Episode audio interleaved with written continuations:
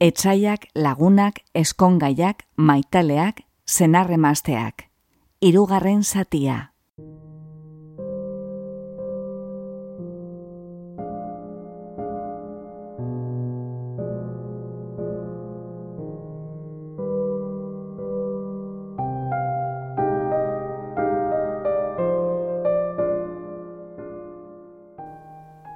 Zabiza maitea. Aurtengo gabonek ez du samar errapatu naute, eta bidolarreko bilete bat baino ezin dizut bidali. Sentitzen dut. Dena den, espero dut osasuntzu egongo zarela, eta gabon zoiontzuak igaroko dituzula, eta asko ikasten hariko zarela eskolan. Azken bolada honetan, makalik ibili naiz, bronkitizak jota. Urtero bezala egia zan, baina lehen aldia da goean geratu behar izan dudala gabonen aurretik. Elbidean ikusiko zenuenez, beste leku batean nagorain. Apartementua oso leku zeratatzuan zegoen, eta beti agertzen zen baten bat bizitan, parrandarako lagun bila. Apopilo etxe bat da oraingo hau, oso egokia niretzat, espainai sekula ondo moldatu erosketak egiten eta jatekoak prestatzen egu berrion. Maite zaitut, aita.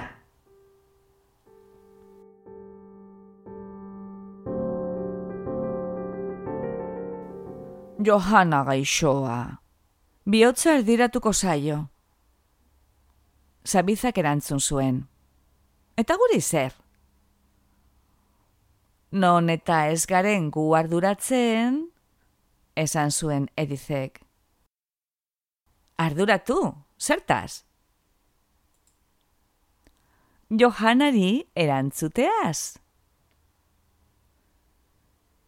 Mekanografiatu egin beharko zuten gutuna. Johanak igarri egingo baitzuen bestela ura etzela zabizaren aitaren letra. Baina etzen egiteko zaila izan. Edizen etxean bazen idaz makina bat, maitxo tolesgarri batean, egon gelan. Haren ama bulego batean aritua zen eskondu aurretik, eta dirutxuren bat ateratzen zuen oraindik ere jendeari gutun ofizialak enkargu zidazten. Mekanografiaren oinarriak erakutziak zizkion edizi. Egunen batean, bulegoren batean lanpostu bat lortuko zuelako esperantzan. Johanna maitea, esan zuen zabizak. Sentitzen dut, baina ez nago zurekin maite minduta, aurpegian dituzun pikor ezin itxusiago horien erruz. Serio erantzungo diogu, esan zuen edizek. Beraz, egon isilik. Eta tekleatu egin zuen. Asko postu nau. Gorakia oskatzen zituen hitzak, pausaldiak eginez beste zerbait bururatu orduko. Ahots gero eta solemneagoz eta sentikorragoz ziarduen. Duen. Zabizak, sofan botata, barre egiten zuen. Telebista ere piztu zuen, baina ediz kexo agertu zen. Mesede ez, nola konzentratuko naiz nire emozioetan kakasarori matraka ematen ari den bitartean.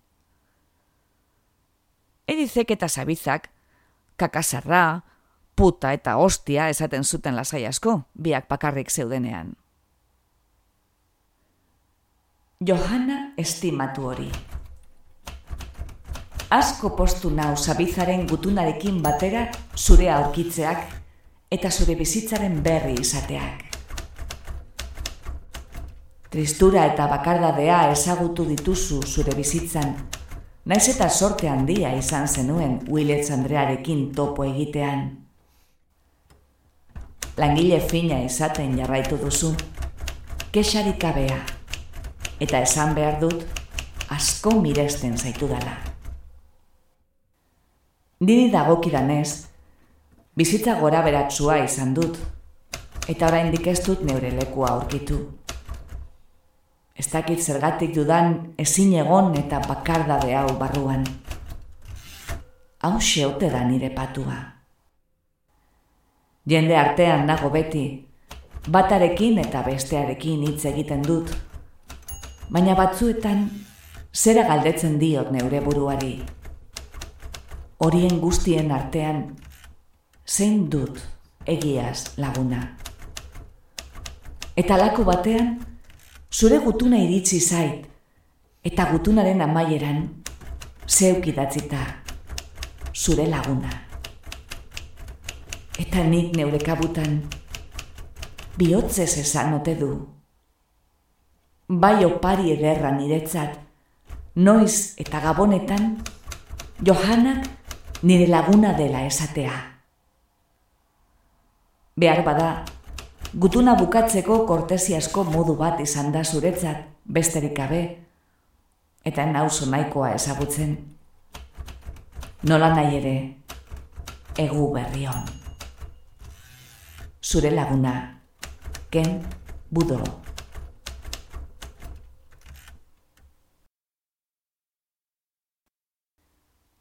Gutuna etxera heldu zen, Johanaren eskuetara. Zabizarentzako gutuna ere mekanografiatu egin zuten azkenean.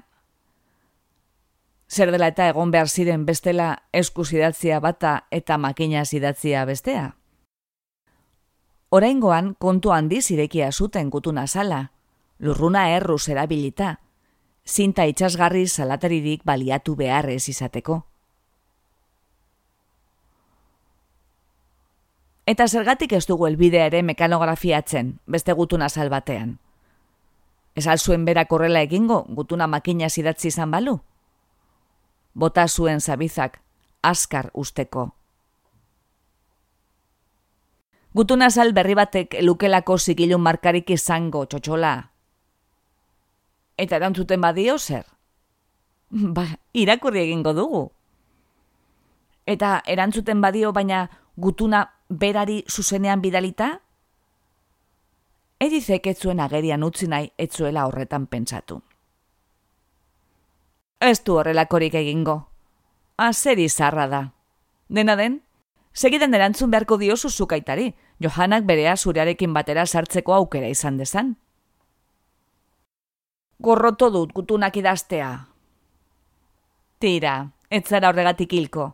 Ez duzu jakin naizek kontatzen dion.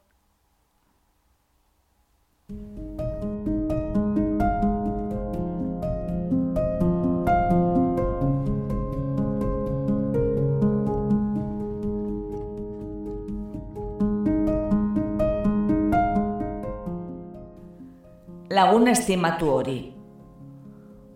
Zure laguna izateko bezain beste ezagutzen zaitudan galdetzen didazu, eta baietz esango nuke nik.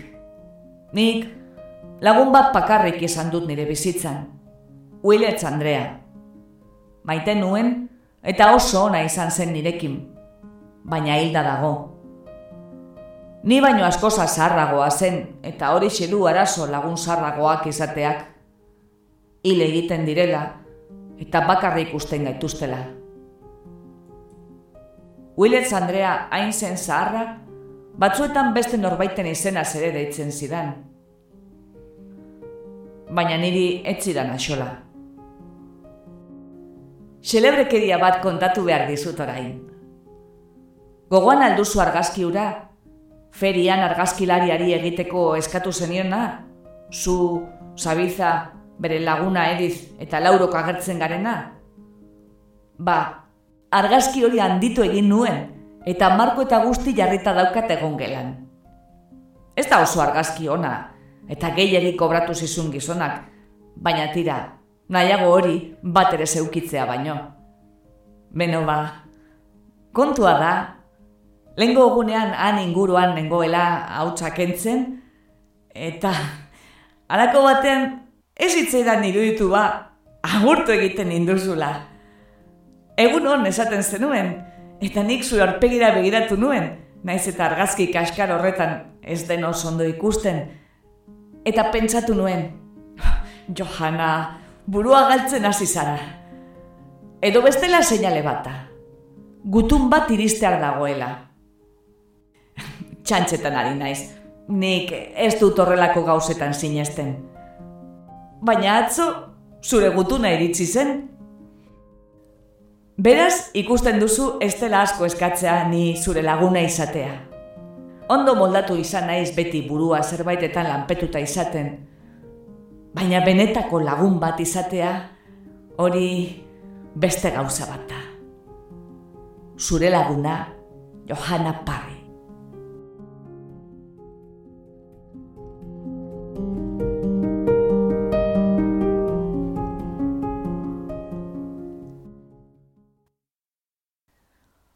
Gutunura ezin zuten noski berriro gutun azalean sartu. Zabizaren aitak usain txar hartuko zion berak sekula idatzi etzuen gutunaren aipamenari. Johanaren hitzak mila zatitxotan urratu eta komuneko zulotik behera bota behar izan zituzten edizen etxean.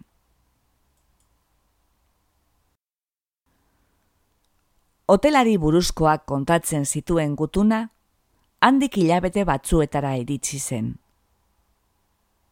udan. Txiripa utza izan zen zabizak gutuna hartzea, hiru astez kanpoan izan baitzen, izeba Roxana eta osaba Clarkekin, zimko ulakuaren ondoko haien landetxean.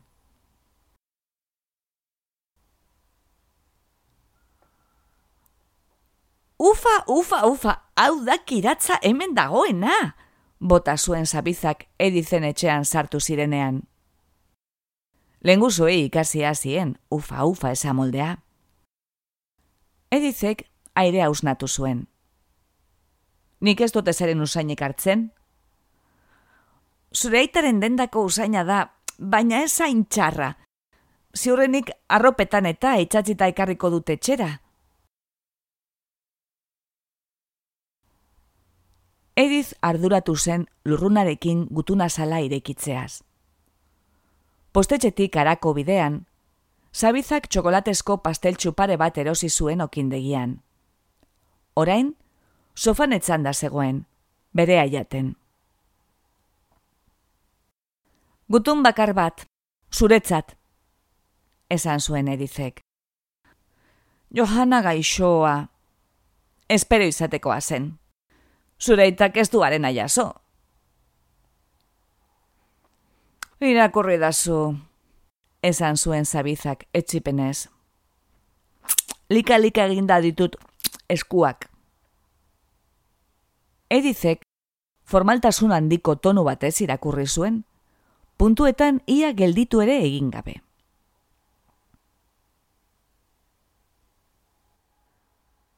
Beno, Zabiza, nire zoriak beste bide bat hartu du.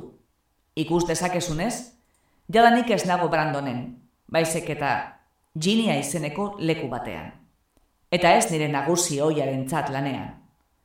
Negu bereziki gogorra pasatu dut, nire bularreko arazoak direla eta, baina haiei, nire nagusiei esan nahi dut, kanpoan lan egin behar nuela sartu zitzaien buruan, errepidean, baita neumoniak jota amaitzeko arriskuan banengoen ere. Orduan ez txiki bat izan genuen, eta azkenean, elkarri agur esatea erabaki genuen deno. Baina soria gauza bitxia da, eta garaitzu hartan hotel baten jabe egin nintzen. Komplikatua da xeetasun guztiak azaltzea, baina zure etonak zerbait jakin nahi badu, ezaiozu dirua zor zidan gizon batek zorra ezin ordainduta hotel hau eman zidara trukean. Eta orain, hemen nagoni, apopilo etxe bateko gelatik amabi logelako eraikin batera iritsita. Eta lotarako nerabilen oeren jabe ez izatetik, hainbat oeren jabe bihurtuta. Gauza ederra da goizean esnatu eta jakitea zeure burua duzula ugazaba. Konponketaren bat egin behar dut, bat baino gehiago egia esan, eta horretara jarriko naiz laster, epeltzen duenean. Norbait kontratatu beharko dut nire laguntzeko eta aurrerago sukaldarion bat ere bai, jatetxea eta edantokia jartzeko. Ondo funtzionatu beharko luke, herrian ez dago eta besterik. Zu ondo egotea espero dut. Egin itzazu etxeko lanak eta ikasi ohitura onak. Maite zaitut, aita. Zabizak esan zuen. Kaferik baduzu? Istantekoa, erantzun zuen edizek. Zeba, Zabizak esan zion, landetxean kafe izostua edaten zutela denek, eta ikaragarri gustatzen zitzaiela. Berari ere, ikaragarri gustatzen omen zitzaion. Zutitu eta lardaskan ibili zen zukaldean, ura irakiten, eta kafea esnearekin eta izotz koskorrekin nahazten. Banila asko izoskia, hori falta zaigu, esan zuen. Joder, kristona dago, ez alduzu zure pasteltsoa jan behar? Joder! Bai, oso osorik, erantzun zuen edizek zakar. Aldaketa asko gertatuak ziren zabizaren gan iru aste eskasean. Edizek, ama ebakuntzaren ondoren bere onera itzuli bitartean, dendan lanean pasatu zuen denbora berberean, hain justu. Zabizak, urrekara desiragarri batekoa zuen larrua sala. Eta laburragoa zera manilea, aurpegi inguruan arrotuta. Lenguzuek moztu zioten, eta permanentea egin. Osoko jantzi bat zeraman, gona tankerako praka motzekoa, aurrealdean goitik bera botoiz josia, eta zorbaldetan parpailak zituena. Ederki ematen zion urdin batekoa. Mardulduta zegoen, eta bere kafe izostua lurretik hartzeko makurtu zenean, arrosa koloreko bularralde leuna erakutsi zuen bularrak. Kanpora joan baino lehen hasiko zitzezkion azten. Eta edizo hartu ez. Behar bada, kolpean ateratzen ziren. Egun batean jaiki, eta nagertzen ziren. Edo ez? Nola nahi ere, abantaila guztiz merezigabe eta bidegabe baten adierazle ziren. Zabizak gauza mordo batzuen kontatzeko bere lenguzuez eta landetxeko bizimoduaz. Ez atenzion. Entzun ze kontatu behar dizudan, barrez lertuko zarata. Eta hasiko zitzaion kalakan, esplikatzen zer esan zion izeba Roxaneko zaba Clarki muturtu zirenean, edo nola gidatu zuen Mary Joke, kapota beheratuta eta gidaba emenik gabe stanen autoa, nor zen stan, eta nola eraman zituen denak autozinemara, segula etzen argi geratzen zer zen ba hain barregarria historio hartan edo zertara zetorren ura kontatzea. Denbora pixka batera, alabaina, beste gauza batzuk hasi ziren azaleratzen. Udako benetako abenturak. Neska nagusiek, zabiza tartean, txalupen etxolako ganbaran lo egiten zuten. Batzuetan, kilima borrokak esaten zituzten. Denek baten aurka buru bat egin, eta kilika hasten zitzezkion, harik eta garrasi batean erruk izateko eskatu eta pijamako prakak jaitsita, bilorik baote zuen erakustea onartzen zuen arte. Barnetegietan ziren eskei buruzko historioak kontatzen zituzten, eta hile eskuilen eta hortzetako eskuilen kirtenekin egiten zituzten gauzei buruzkoak. Ufala! Egun batean, lenguzinetako bi itxurak egiten ibili ziren, bata bestearen gainean jarri zen mutilarena egiten, eta hankak elkarren inguruan korapilaturik, intzirika aritu ziren, eta txanka, eta salapartan. Osaba Clarken arreba eta senarra bizitan joan zitzezkien, beren estei bidaiaren erdian. Eta egun batean, emaztearen baino jantzearen barrura eskua sartzen ikusi zuten gizona. Zeko maite minduta zeuden, gau eta egun aritzen ziren horretan, esan zuen zapizak. Kusin bat estutu zuen bularren kontra ezin eutzi horrein maite minuta zaudenean. Lenguzinetako batek jada egina zuen zera mutil batekin. Errepidean bera zegoen oporgunean, uda sasoirako kontratatutako lorasainetako bat zen. Txalupan ibiltzera gonbidatu zuen lenguzina, eta horretara botako zuela mehatxuka hasi zitzaion, egiten utzi zion arte. neskaketzuen errurik izan, beraz.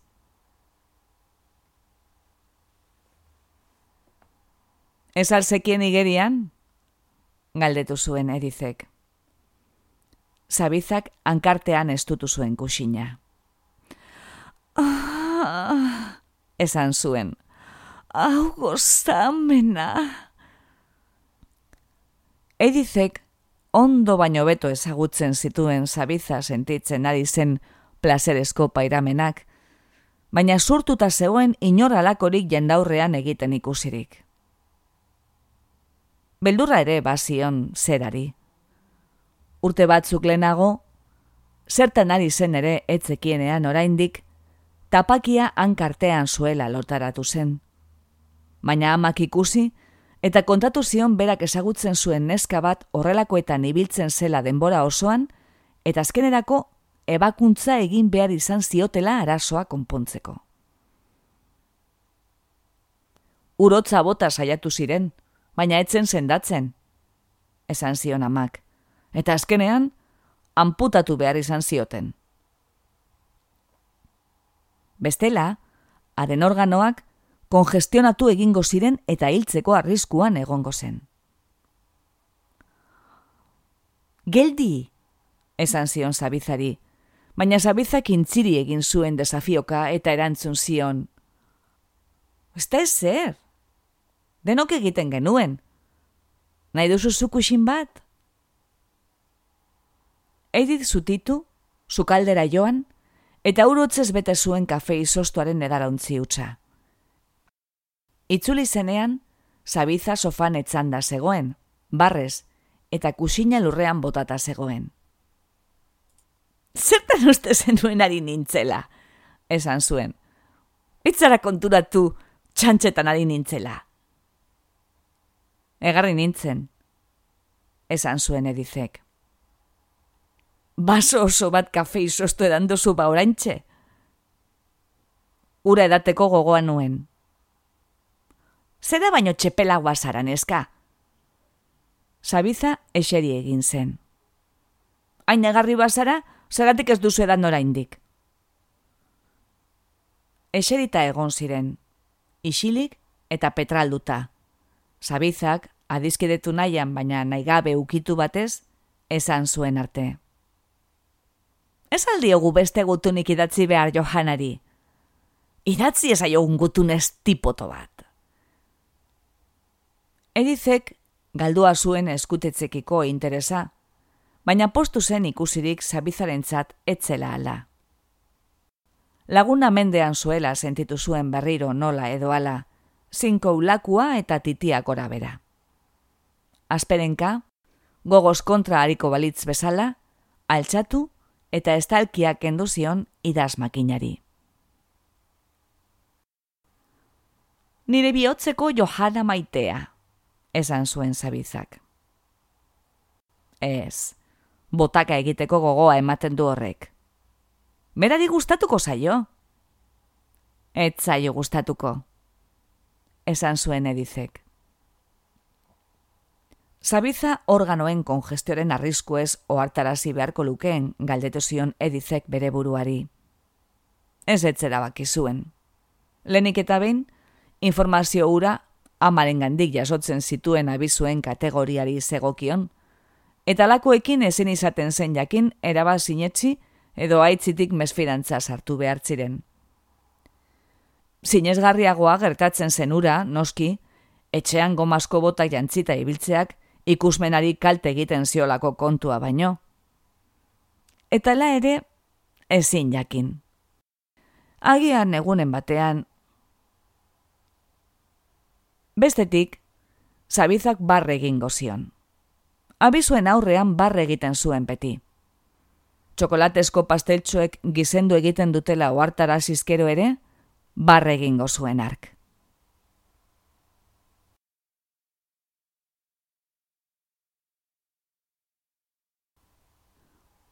Zure azken gutunak posandia eman zidan. Zure azken gutunak txora txora egin dautzen intuen esan zuen zabizak. Bosan dia eman zidan. benetako lagun bat badudala ohartu naizelako. Eta lagun hori, zuzara. Begiak bildu ezinik egon nintzen gau osoan, nire besoetan zu estutzeko irrikaz. Sabizak bere soina besarkatu zuen, eta aurrera eta atzera kulunkatzen hasi zen. Ez. Nire izaera jendakina gora bera, oso bakarrik sentitu naiz askotan, eta lakuetan ez dut jakin nora jo. Zer esan nahi du horrek? Jendekina? Ez du jakin gozer den? Johanak pai. Johanak jakingo du. Zabiza isilarazi zuen horrek, etaren sentimenduak mindu ere egin zituen behar bada. Horregatik, onela irakurri zuen edizek amaieran agurtzeko unea heldu da, eta agurtzeko bururatzen zaidan modu bakarra da imaginatzea hau irakurri eta lotxagorritu egiten zarela. Zuk nahi duzunaren moduko hau da hori? Mm, oian etzan da kamiso jutxean. Esan zuen zabizak, bere onera itzulita. Mm, nire besoetan ez dutzen zaitu dela, eta titipuntak mi askatzen dizkizu dela irudikatzen duzun bitartean.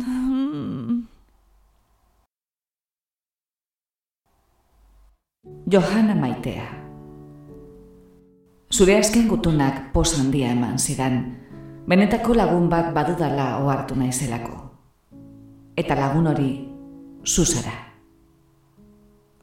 Nire izaera jendekina gora bera oso bakarrik sentitu naiz askotan. Eta lakoetan ez dut txakin nora jo.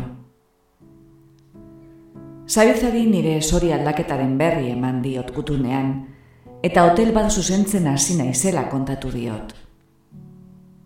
Ez diot kontatu, ordea, gaixorik egon naizela neguan, enuelako kezkatu nahi.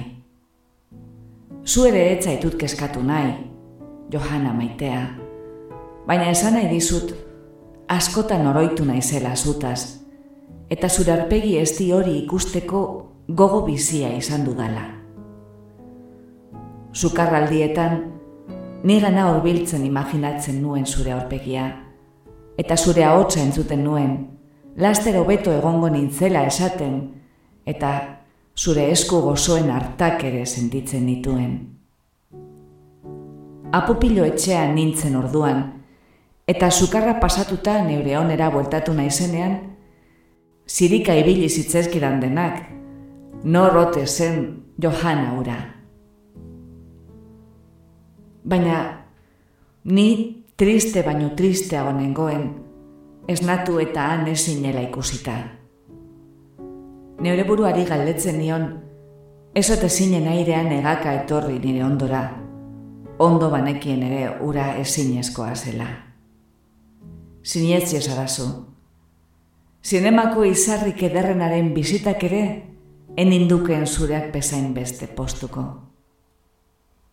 Enago ziur kontatu beharrote dizudan ze beste gauza esaten zenizkidan, oso kontu esti eta intimoak baitziren, eta behar bada lotxatu egingo zara. Nahiago nuke gutunau amaitu beharko espanu, une honetan nire besoekin inguratzen zaitu dala sentitzen baitut. Eta kontu txikiak esaten dizkizu dala, ilunpean, gure logelako intimitatean. Baina agurtzeko unea heldu da, eta agurtzeko bururatzen zaidan modu bakarra da imaginatzea, hau irakurri eta lotxagorritu egiten zarela soragarria litzateke oean sartuta irakurriko bazenu hau, kamisoia soinean, nire besoetan zu estutzeko nolako gogoa dudan, pentsatzen duzun bitartean. M, T, Z, T, T, Ken, Budro.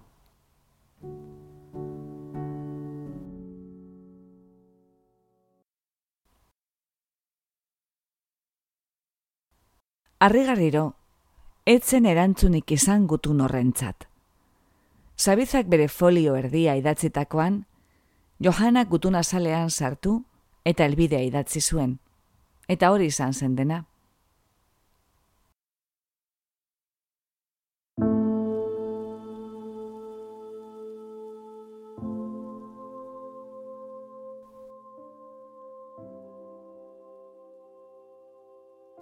Johanak ez zuen inora aurkitu bere zain trenetik jaitzi zenean. Ez larritu nahi izan. Bere buruari esan zion litekena zela azken finean gutuna bera baino lehenago heldu ez izana. Egia esan, heldua zen, eta postetxean zegoen, nok jasoko zain. Ken budro, aurreko neguan, larriki gaixorik egon espazen ere, bronkitizak jota baitzegoen egia sorain eta egunak ziren etzela postaren bila joaten.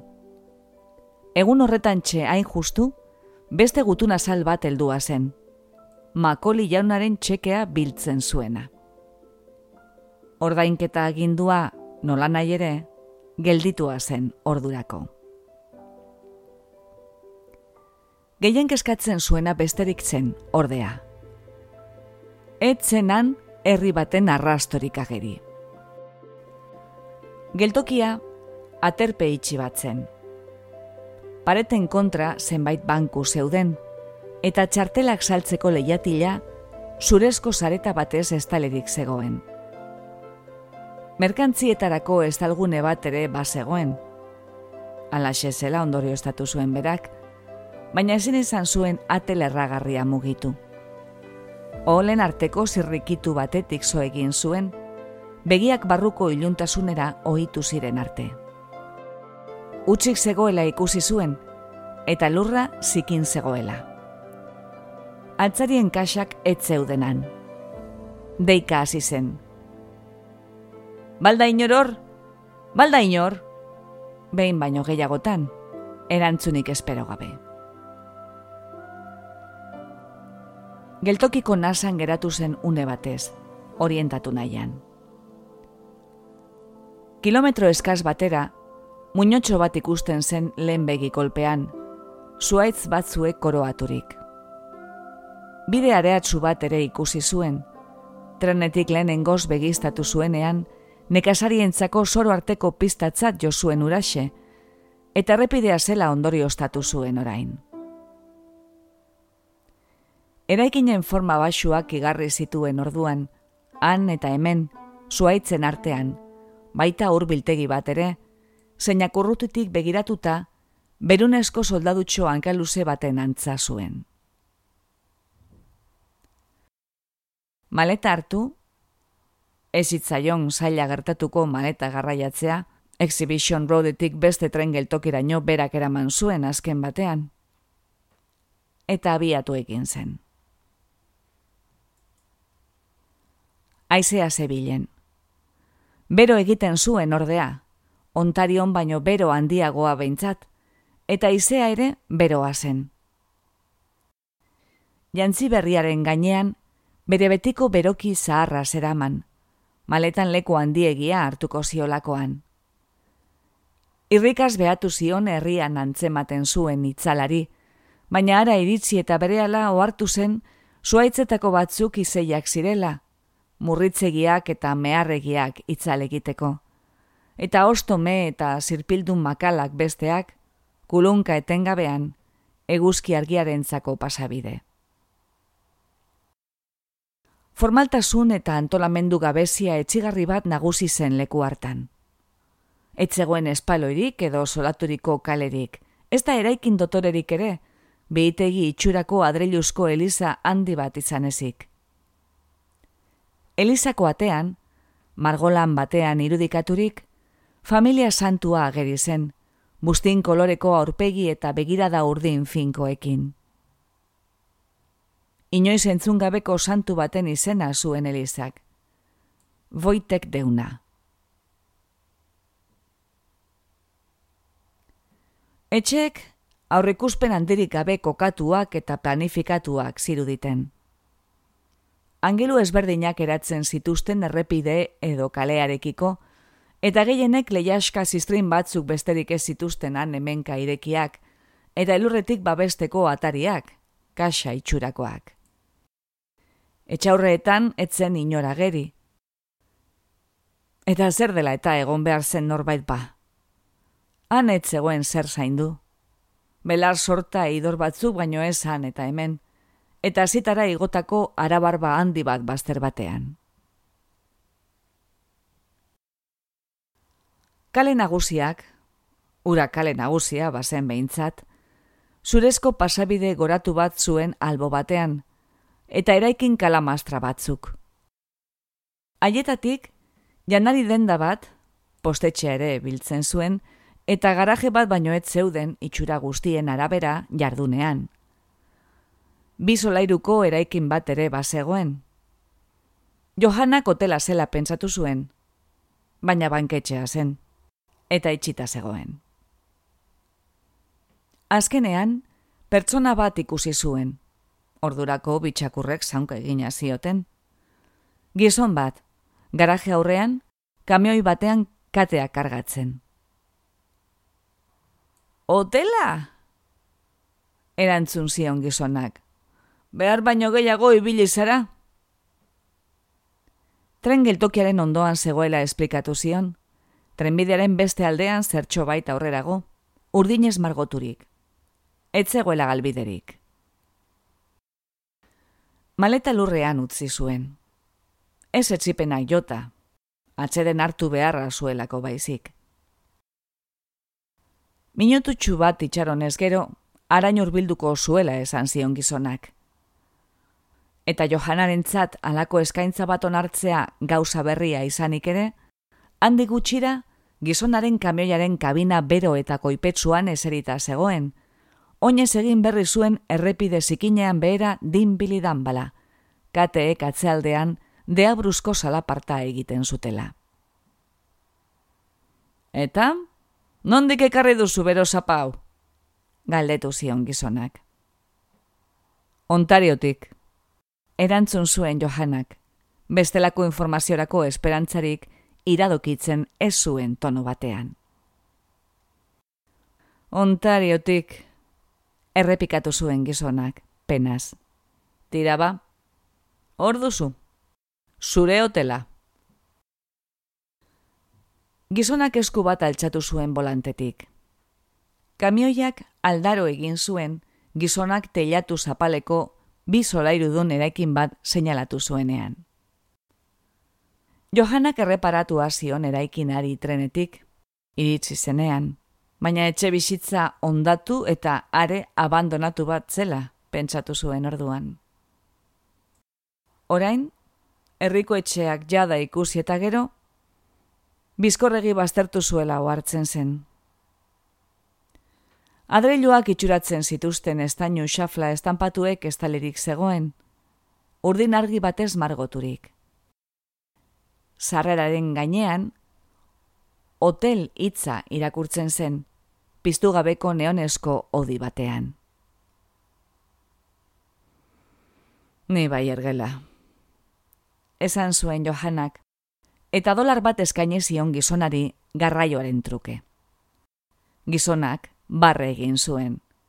Gorde zazu dirua, ezin izaten da jakin noiz beharko dugun Hotelaren kanpoaldean auto itxuroso samar bat zegoen aparkaturik. Plymouth bat.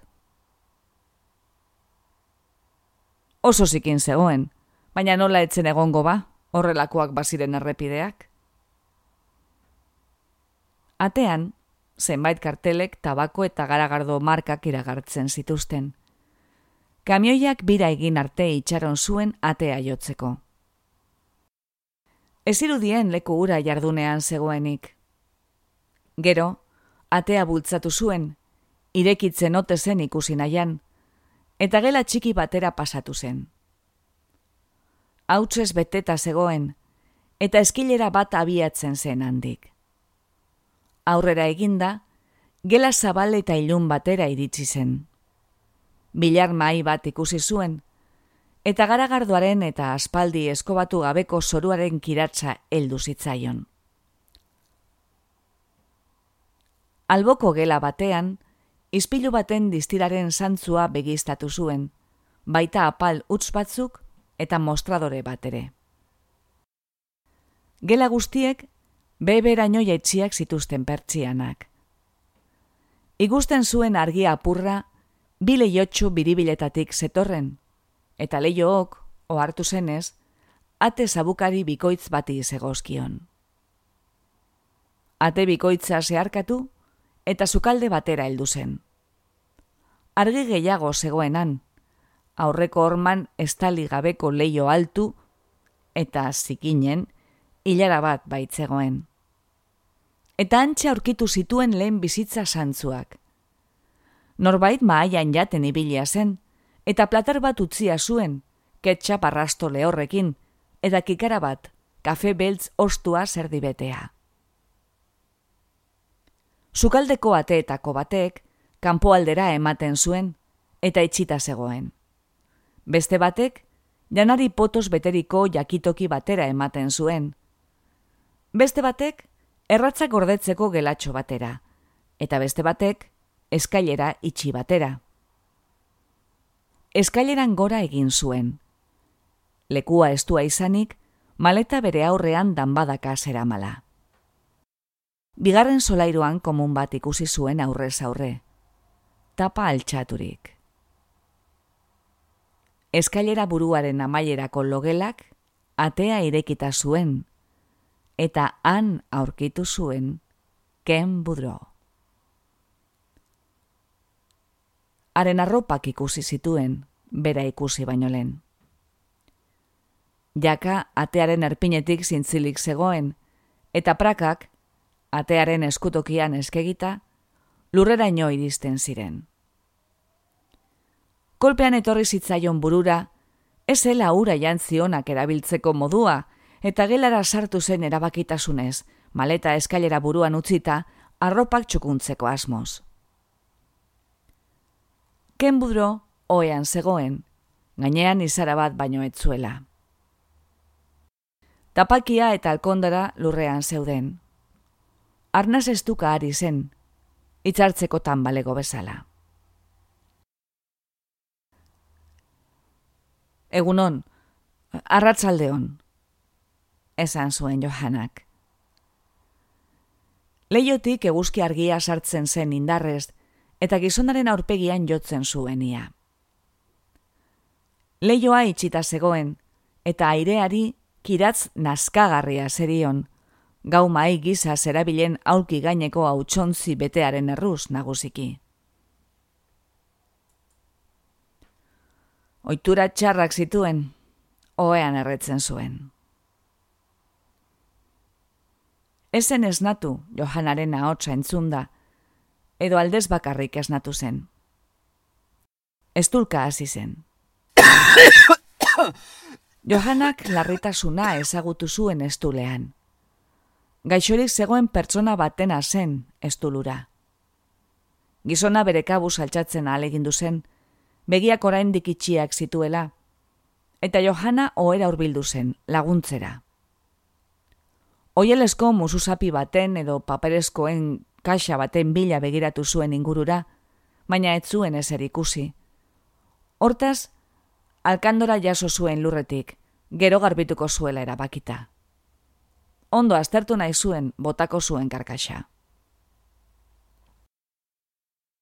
Naikoa estur egin zuenean, marmar egin eta hoean ondoratu zen berriro gizona. Arnaz estuka, Johana gogoratzen zuen aurpegi arrosko eta xarmantura, narda keinu batean uskurturik. Ukitzarekin bakarrik, argi geratu zitzaion Johanari, sukarra zuela. Karkaxa hori berdeska zen, erdoil koloreko arrastorik gabea. Johanak komuneko konketara eraman zuen alkondara, eta han, harri garriro, xaboi pastilla bat topatu zuen.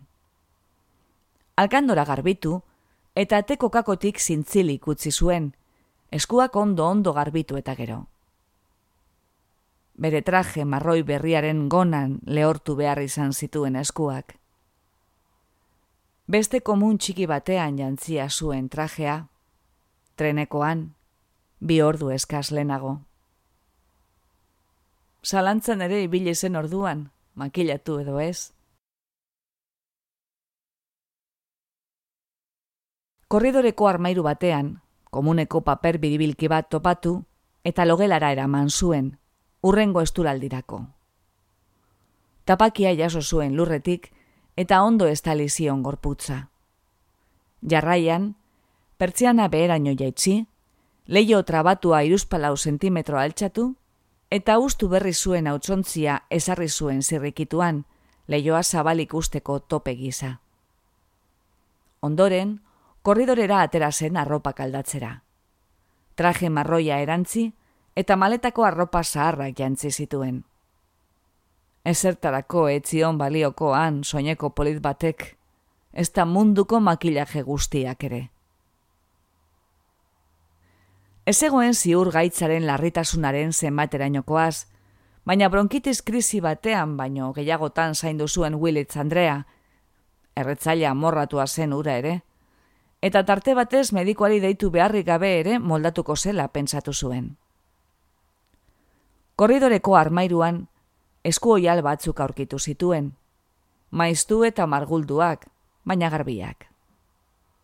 Aietako bat busti, eta besoak eta hankak igurtzi zizkion, sukarra apaldu nahian. Gizona erdizka esnatu zen, eta estulka hasi zen berriro. Johanak agondurik eusten lagundu, eta komuneko paperean txu egin zizion karkasa aztertu zuen berriro ere. Komunetik bera bota eta eskuak arbitu zituen. Orain bazuen esku oial bat lehortzeko. Beko solairura jaitzi zen, eta sukaldean edalontzi bat eta ginger ale botila huts bat aurkitu zituen. Urez bete, eta edaten eman zion. Gizonak zertxo baitedan eta protesta egin zuen. Etzaten utzi zion tarte batean, eta bos minutura berriro alegindu zen. Alaxe jarraitu zuen, harik eta botatzera iritsi gabe iren zezaken guztia edan zuela iruditu zitzaion arte. Tarteka, estulak ematen zion, Johanak agontzen laguntzen zion, eta beso batez eusten zion bitartean, beste eskuaz kolpetxoak ematen zizkion bizkarrean, bularraldeko karga harintzeko. Behin baino gehiagotan ireki zituen begiak, eta ez zuen asaldu edo harridurarik erakutsi Johanaren presentziaren aurrean. Ez da eskerronik ere, egia esateko. Johanak berriro igurtzi zion gorputza, esku oialaz, atal bakoitza freskatu orduko, bere ala tapakiaz estaltzeko ardura handi hartuta iluntzen hasi zuela ohartu zen, eta sukaldera jaitzita, argiaren etengailua bilatu zuen. Argiak eta zutegi elektriko zaharrak funtzionatzen zuten. Olasko eta arrozo palata bat ireki eta berotu zuen. Gora eraman eta gizona iratzarri zuen. Zertxo bait hartu zuen koilaratik. Esnaldi laburura baliatuta, aspirinarik baote zuen galdetzeko aprobetsatu zuen Johanak. Baietz erantzun zion, eta non ziren asaltzen saiatu zen, nahaz maaz. Zean, zagarro ontzian, esan zuen. ez ez, lagundu zion Johanak. Horre zindu izan. Ez, e, zerean, Objekturen bat itxuratu nahi izan zuen eskuez. Begiak malkos bete zitzaizkion. Ez du axola. Esan zuen Johanak. Ez du axola. Zukarrak, nola nahi ere, bera egin zuen. Ordu bete edo zerbait gehiago lo egin zuen, ez du laldirik gabe. Gero, sukarrak gora egin zuen berriro. Ordurako, Johanak aspirinak aurkituak zituen, sukaldeko tiradera batean zeuden, biurkin bat, zenbait bombilla eta kordel matasa batekin batera gordeak. pare bat hartu eta gora eraman zituen. Gizonak esturaldi gogor bat izan zuen gutxira, baina Johanari ez itzaion iruditua aspirinak bota zituenik. Berriro etzan zenean, haren bularraren kontra jarri zuen belarria Johanak arnazotza aztertzeko. Ziape bila aritua zen enplastu bat egiteko, baina ez irudien alakorik zegoenik. Bera joan zen berriro, ura berotu, eta konketa batean gora eraman zuen. Haren gainera makurrarazi zuen, eskoialekin burua estaltzen ziola, lurrun arnaz esan. Gizonak unetxo batez baino etzion eutxi, baina honegin zion antza. Flema ugari bota zuen. Sukarrak bera egin zion berriro, eta bareago lo egin zuen. Johanak beste geletako batean aurkitu zuen besaulki bat eraman zuen errestanaren ondora, eta berak ere lo egin zuen, etenka. Noizi pein esnatu, eta non zegoen galdetzen zion bere buruari. Ondoren, gogora ekarrita, altxatu egiten zen, gizona ukitzen zuen, sukar gutxirekin jarraitzen zuela ematen zuen, eta tapakia atontzen zion. Bere burua babesteko, Willets Andreari hainbeste eskertzeko zion, tuidezko beroki beti erekoa erabili zuen.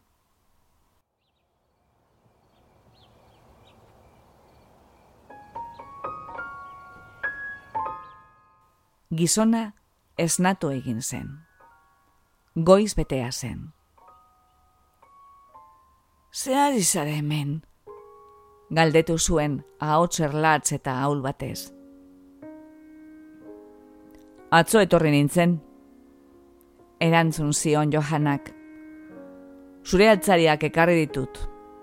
Horenik ez dira iritsi, baina bidean dira. Gaixorik zeunden iritsi nintzenean eta gaixorik eman duzu gauaren parte handiena ere. Ze modu sentitzen zara orain? Hobeto erantzun zuen eta ez hasi zen.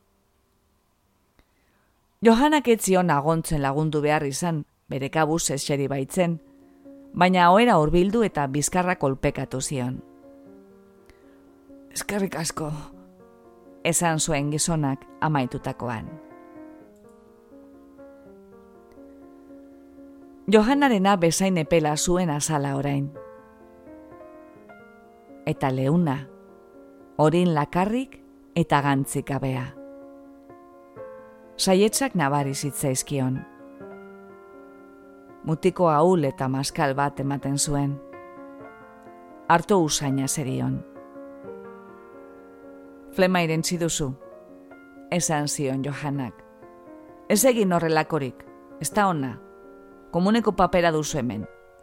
Ju egin behar dozu, giltzurrunei kalte egingo die, irenzten badozu. Enekien, erantzun zuen. Kafe aurkitu duzu? Kafe gailua berestuta zegoen barrualdean. Johanak ahal bezain ondo garbitu eta kafea jarri zuen barruan. Ondoren, bere burua garbitu eta txukundu zuen, jateko zer prestatuko zion pentsatzen zuen bitartean. Jakitokian, gailetak egiteko nastura kaxa bat zegoen. Urarekin nahasi beharko zuela pentsatu zuen lehenik, baina ez ne hautzen kaxa bat ere aurkitu zuen. Kafea prest egon zenerako, gailetas betetako aspil bat sartua zuen labean.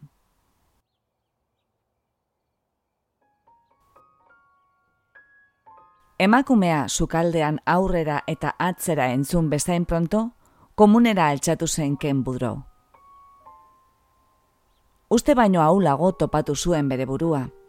Aurrerantz makurturik, esku bat bermatu behar izan zuen tangan.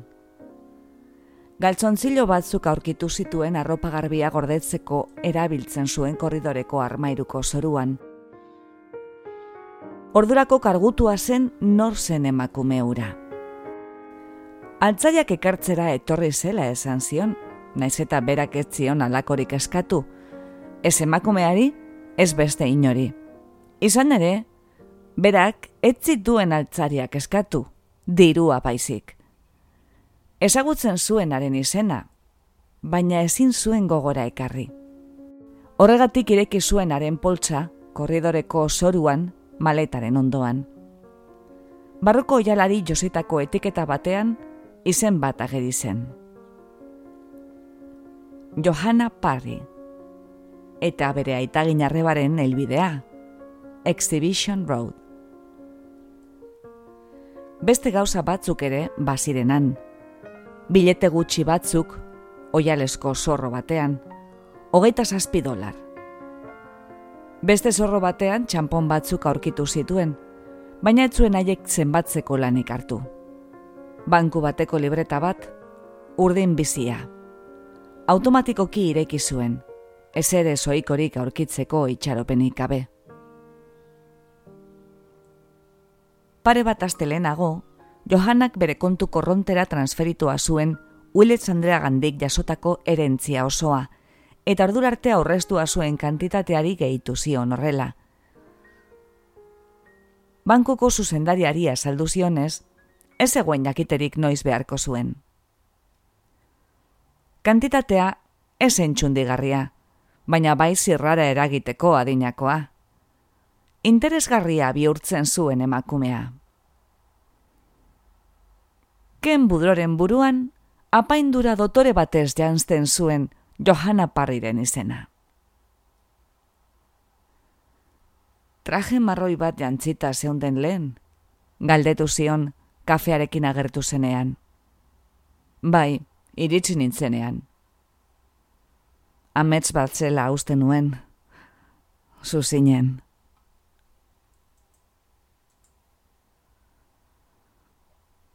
Zure beste amets hartan bezala, esan zuen Johanak, bekoki horintzua gorritzen zitzaiola. Ken budrok etzekien zertaz ari zen, baina ez zuen galdetzeko indarrik. Aurreko gauean emakume ura ondoan zenean izandako ametzen bat izango zen ziurrenik, orain gogoratu ezin zuena. Ez legin zuen berriro, neurritzuago oraingoan, eta emakumeak komuneko papersati bat eskuratu zion. Beno, esan zuen Johannak. Zurezko aurkia hurbildu zuen, harengana errazago iristeko, bazterrera eramana baitzuen hementxe, esan zuen. Bezapetatik heldu eta bizkarraren atzean ezarri zion burkoa. Burkoa zikin zegoen, zorrorik gabe, baina bezperan esku oial bat jarri zion gainetik.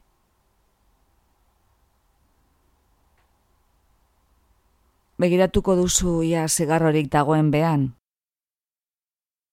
Johanak burua astindu zuen. Begiratuko dut. Gailetak ditut labean. Ken budrok, dirua eskatzeko ohitura esezik, maileguan ematekoa ere bazuen. Bizitzan, arazoak sortu izan zitzaizkionean, edo bestela esan da, arazoetan sartu izan zenean, lagun bati esetz esateko bere ezintasunaren ondorioz gertatu zen askotan. Aireko armadatik ez zuten bota gerra maitutakoan. Berak eman zuen dimisioa. Kantinako jai batean, ofizial bat iraintzagaitik atxilotu zuten lagun batekiko leialtasunez. Kantinako jai batean, ala jaina, nundena txantxa izaten den eta min emateko asmorik ezten egoten. Eitzen bidezkoa. Eta ongarri enpresa hartan ere, igande batez laneko kamioi bat baimenik gabe hartu eta estatu batuetako muga gurutzatzeagatik kaleratu zutenean, lagun bat jasotzera joana zen. Lizkarrean ibilea baitzen laguna, eta beldur baitzen harrapatu eta haren kontrako salaketaren bat jarriko zuten. Lagunegiko leialtasunak nagusiekiko arazoak ekarri zituen. Egia esatera, zaila egiten zitzaion amore ematea.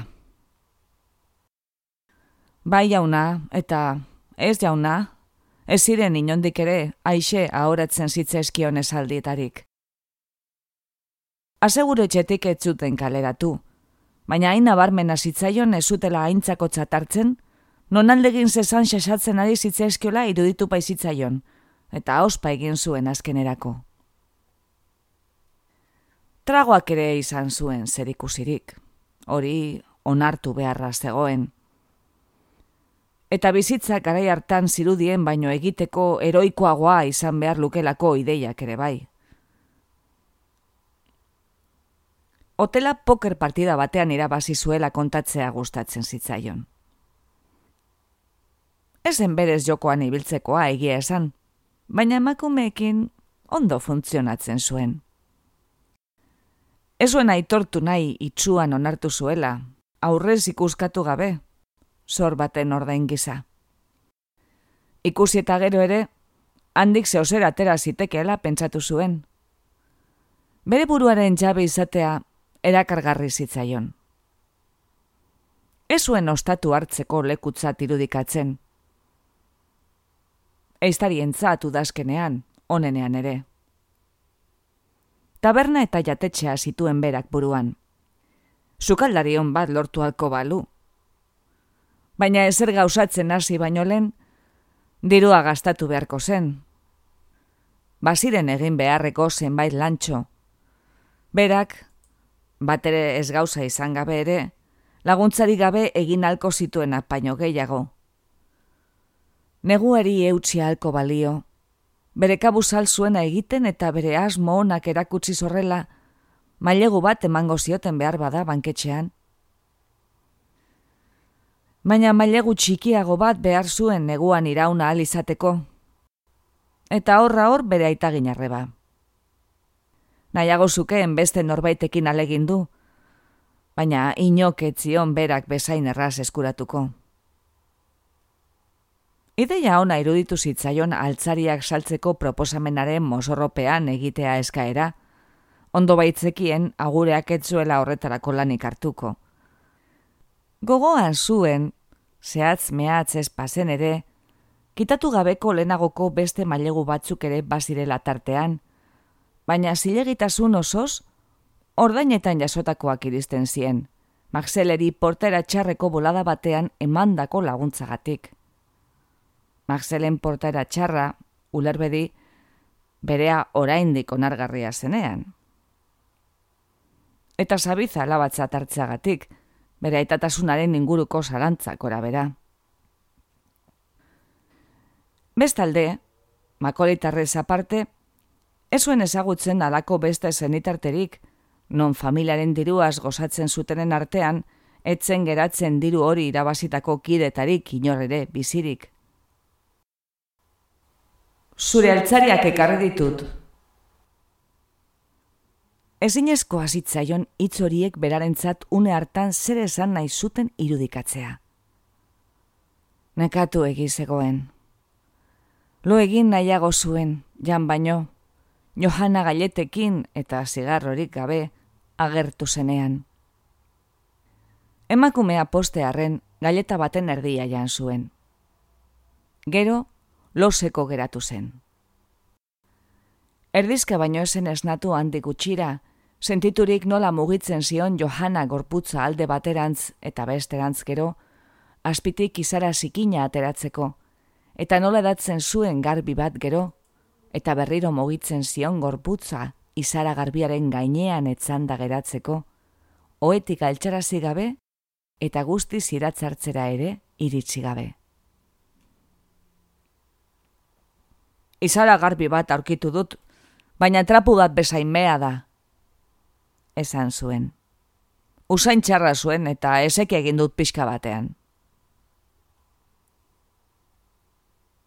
Geroago konturatu zenez, ametsetan aspalditxotik entzuten ari zen soinua, garbigailua zen. Nula liteke? Urbero gailua ondatuta zegoen. Ziurrenik, zutegian berotuko zuen ura, pertzetan.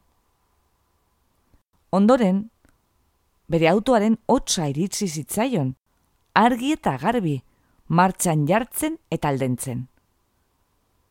Praketako poltsikotik hartuko zizkion emakumeak giltzak. Behar bada, bere ondasun baliozko bakarrean ospa egiten ari zen, bera bertan utzita. Eta ez zen gauza izango ez da poliziari deitzeko ere, arrapaz esaten. Eta egia esan, telefonora iristea lortuta ere, zer, lineaten da zegoen. Izan ere, bazen aukera bat, lapurreta eta iesa. Hala eta guztiz ere, izararen larre aize eta belar usaineko freskotasunerantz giratu zen, eta lo hartu zuen berriro, oso osoan sinetzirik, esnea, arrautzak, gurina, ogia, eta oroar, bizimudu itxuraskoetan behar izaten diren bestelako gaiak, baita agian zigarroak ere, erostera joana zela, eta laster buelten izango zela berriro, eta ara eta ona arituko zela lanpeturik beko solairuan, eta haren joan etorrien soinua, sare moduko bat zuertatuko zela bere azpian. Zerutik etorritako opari bat, zalantzan jarri beharretzen sari bat.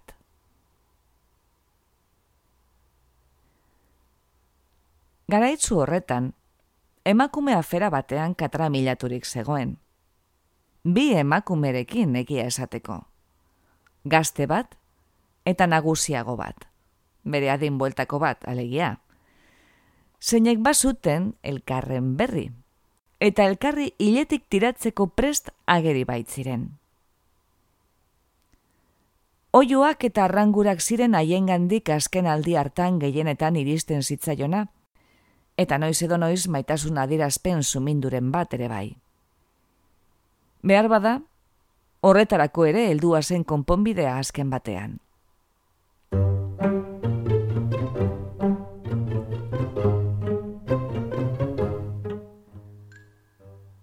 Janari dendan erosketak egiten ari zen bitartean, Johanak tren bat entzun zuen. Eta ja hotelerantz bueltan zijoala, auto bat ikusi zuen tren geltokiaren aurrean aparkaturik. Ken budroren autoa gelditu baino lehenia ikusi zituen altzarien kutsak, nasan pilaturik. Geltokiko langilaren gana jo zuen, arena zen kanpoan aparkaturiko autoa. Zeina erabat harriturik eta sumindurik agertu zen, kutsa handi haien etorrerarekin.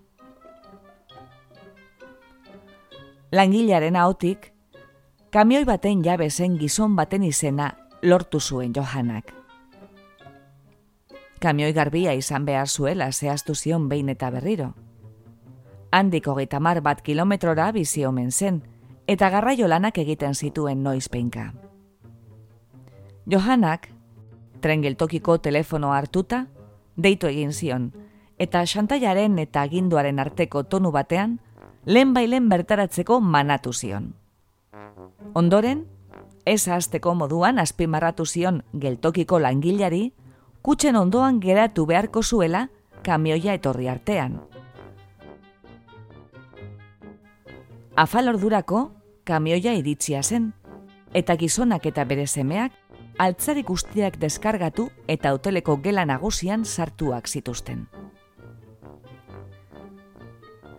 Biaramunean, Johanak ingurunea ikus miratu zuen. Erabaki bat hartu beharra zuen. Urrengo egunean, ken budro eseri eta berari entzuten egoteko gauza zela iritzita, esan zion. Leku honek diruak urtzeko baino estu balio. Herria azkenetan dago. Diru apur bat ekardezaken guztia saldu. Horixe da hemen egin behar dena.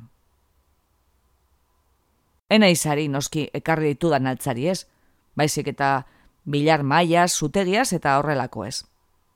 Ondoren, eraikin azaldu beharko genioke hormetako latorria erauzi eta txatarrerako erabili nahi duen norbaiti. Baite atera daiteke zerbait, itxuraz baliorik ez duten gauzetatik.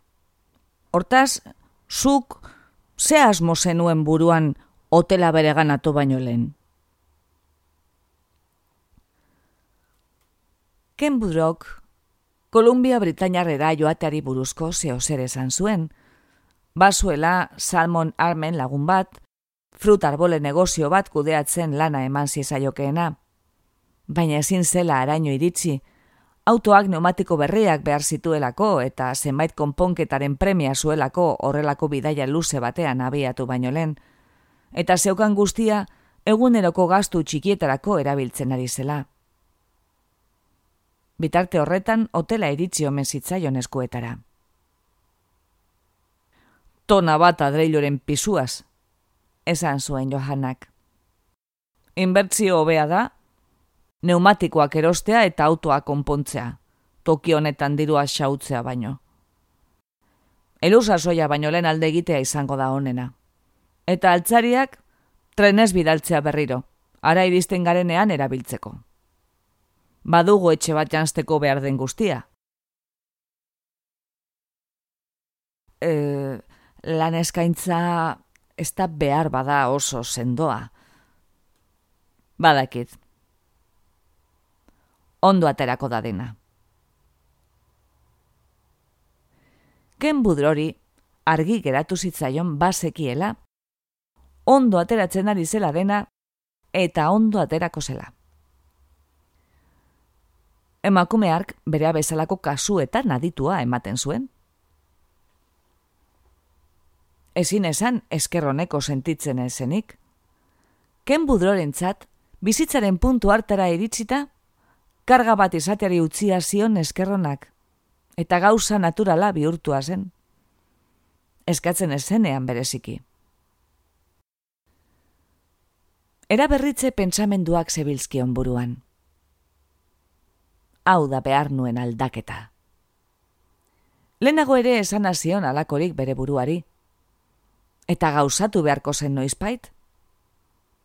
Negu lasaiak, baso beti berdeen usaina eta zagar helduak. Etxe baterako behar den guztia.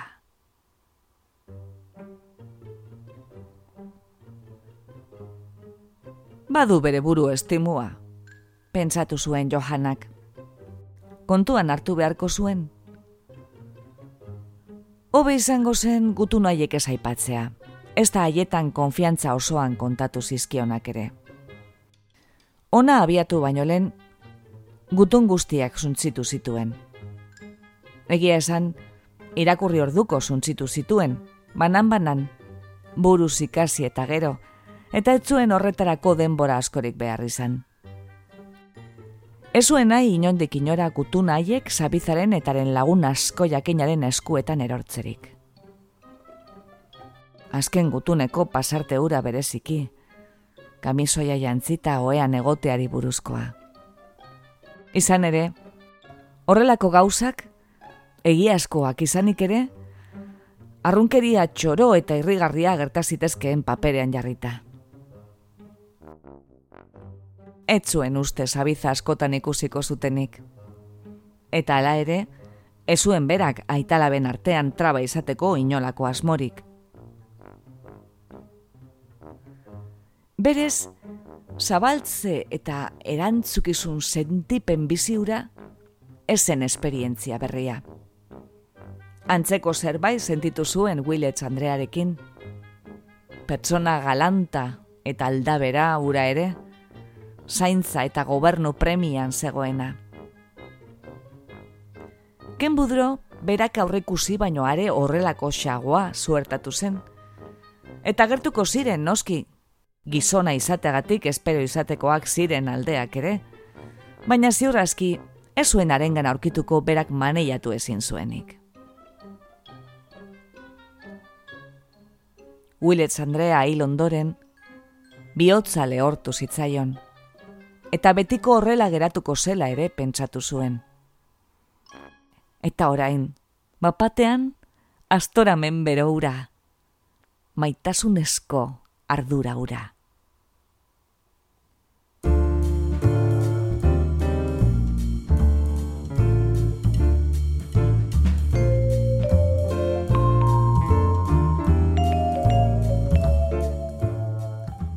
Makoli jauna, Johana kalde egin eta bi urte ingurura hil zen. Arena izan zen Eliza Anglikanoan ospatu zen azken hileta.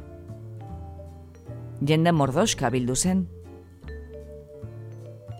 Zabiza, amaren torontoko lenguzinarekin etorri zen. Eratzu eta polita ageri zen orain, eta espero baino nabarmen argalagoa. Kapela beltz sofistikatu bat zera mainantzita, eta lehenago berari zuzendu zitzaizkionei erantzuteko baino ez zuen hitz egin. Horrelakoetan ere, solaskidea gogoan ez palu bezala aritu zen.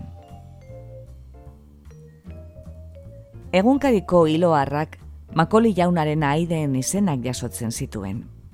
Biloba, Sabiza Budro, Suya, Ken Budro, Budro jaunaren emaztea, Johanna, eta jenseme txikia, Omar. Salmon Armekoak, Kolumbia Britainarra. Edizen amak ozen irakurri zuen. Edizek etzuen sekula herriko egunkaria irakurtzen. Eskontza esen noski albiste. Ez aientzat, ez edizen aitarentzat, zein egon gelan zegoen telebista ikusten. Erra zabaldua zen zurrumurrua, Omar zen nobedade bakarra. Emakume horrek ume bat izan du, esan zuen edizen amak. Edith latineko itzulpen bat egiten ari zen zukaldeko mai batean. Tu ne quaesieris, skire nefas, quen mi, quen tibi,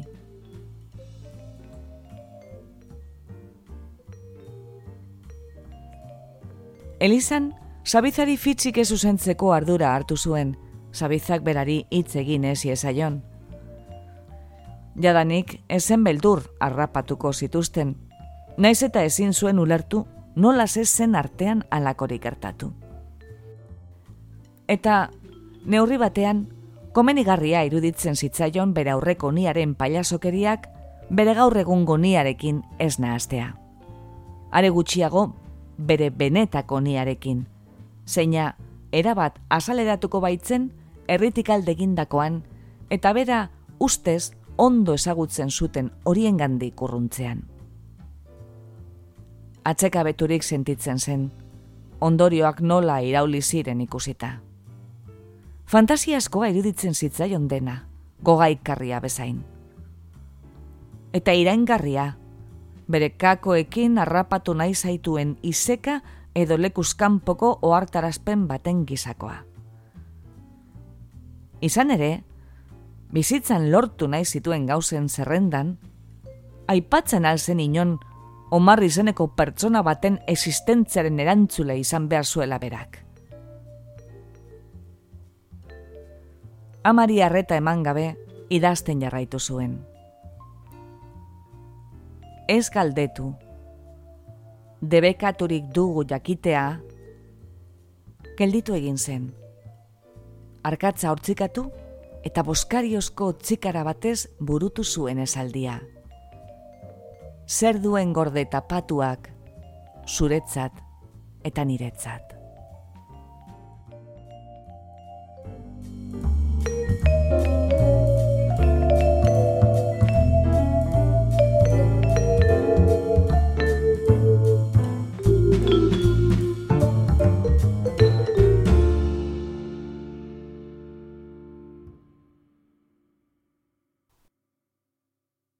Entzun duzu, etxaiak, lagunak, eskongaiak, maitaleak, zenare mazteak.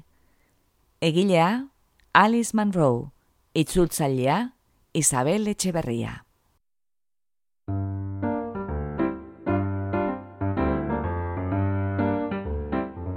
Xerezaderen artxiboko atal bat entzun duzu. Gure doinua da, Charleston Behind the Attic Door, Dance of the Wind taldearena. Bizitatu gure bloga, gure audioak deskargatzeko edo online entzuteko. Iru xerezade.org Xerezade, isaz idazten da gogoratu. Eta ez haztu iruzkinak ustea. Podcast hau egiten dugu jasone larrinagak eta ana moralesek lehioan eta mungian. Xerezaderen artxiboko atal guztiak emititzen dira Bilboiria irratian eta arrosa zarean. Mila esker gurera hurbiltzeagatik, gustora egon bazara, erdu urrengo batean ostera ere, Xerezaderen artxibora. Laster arte!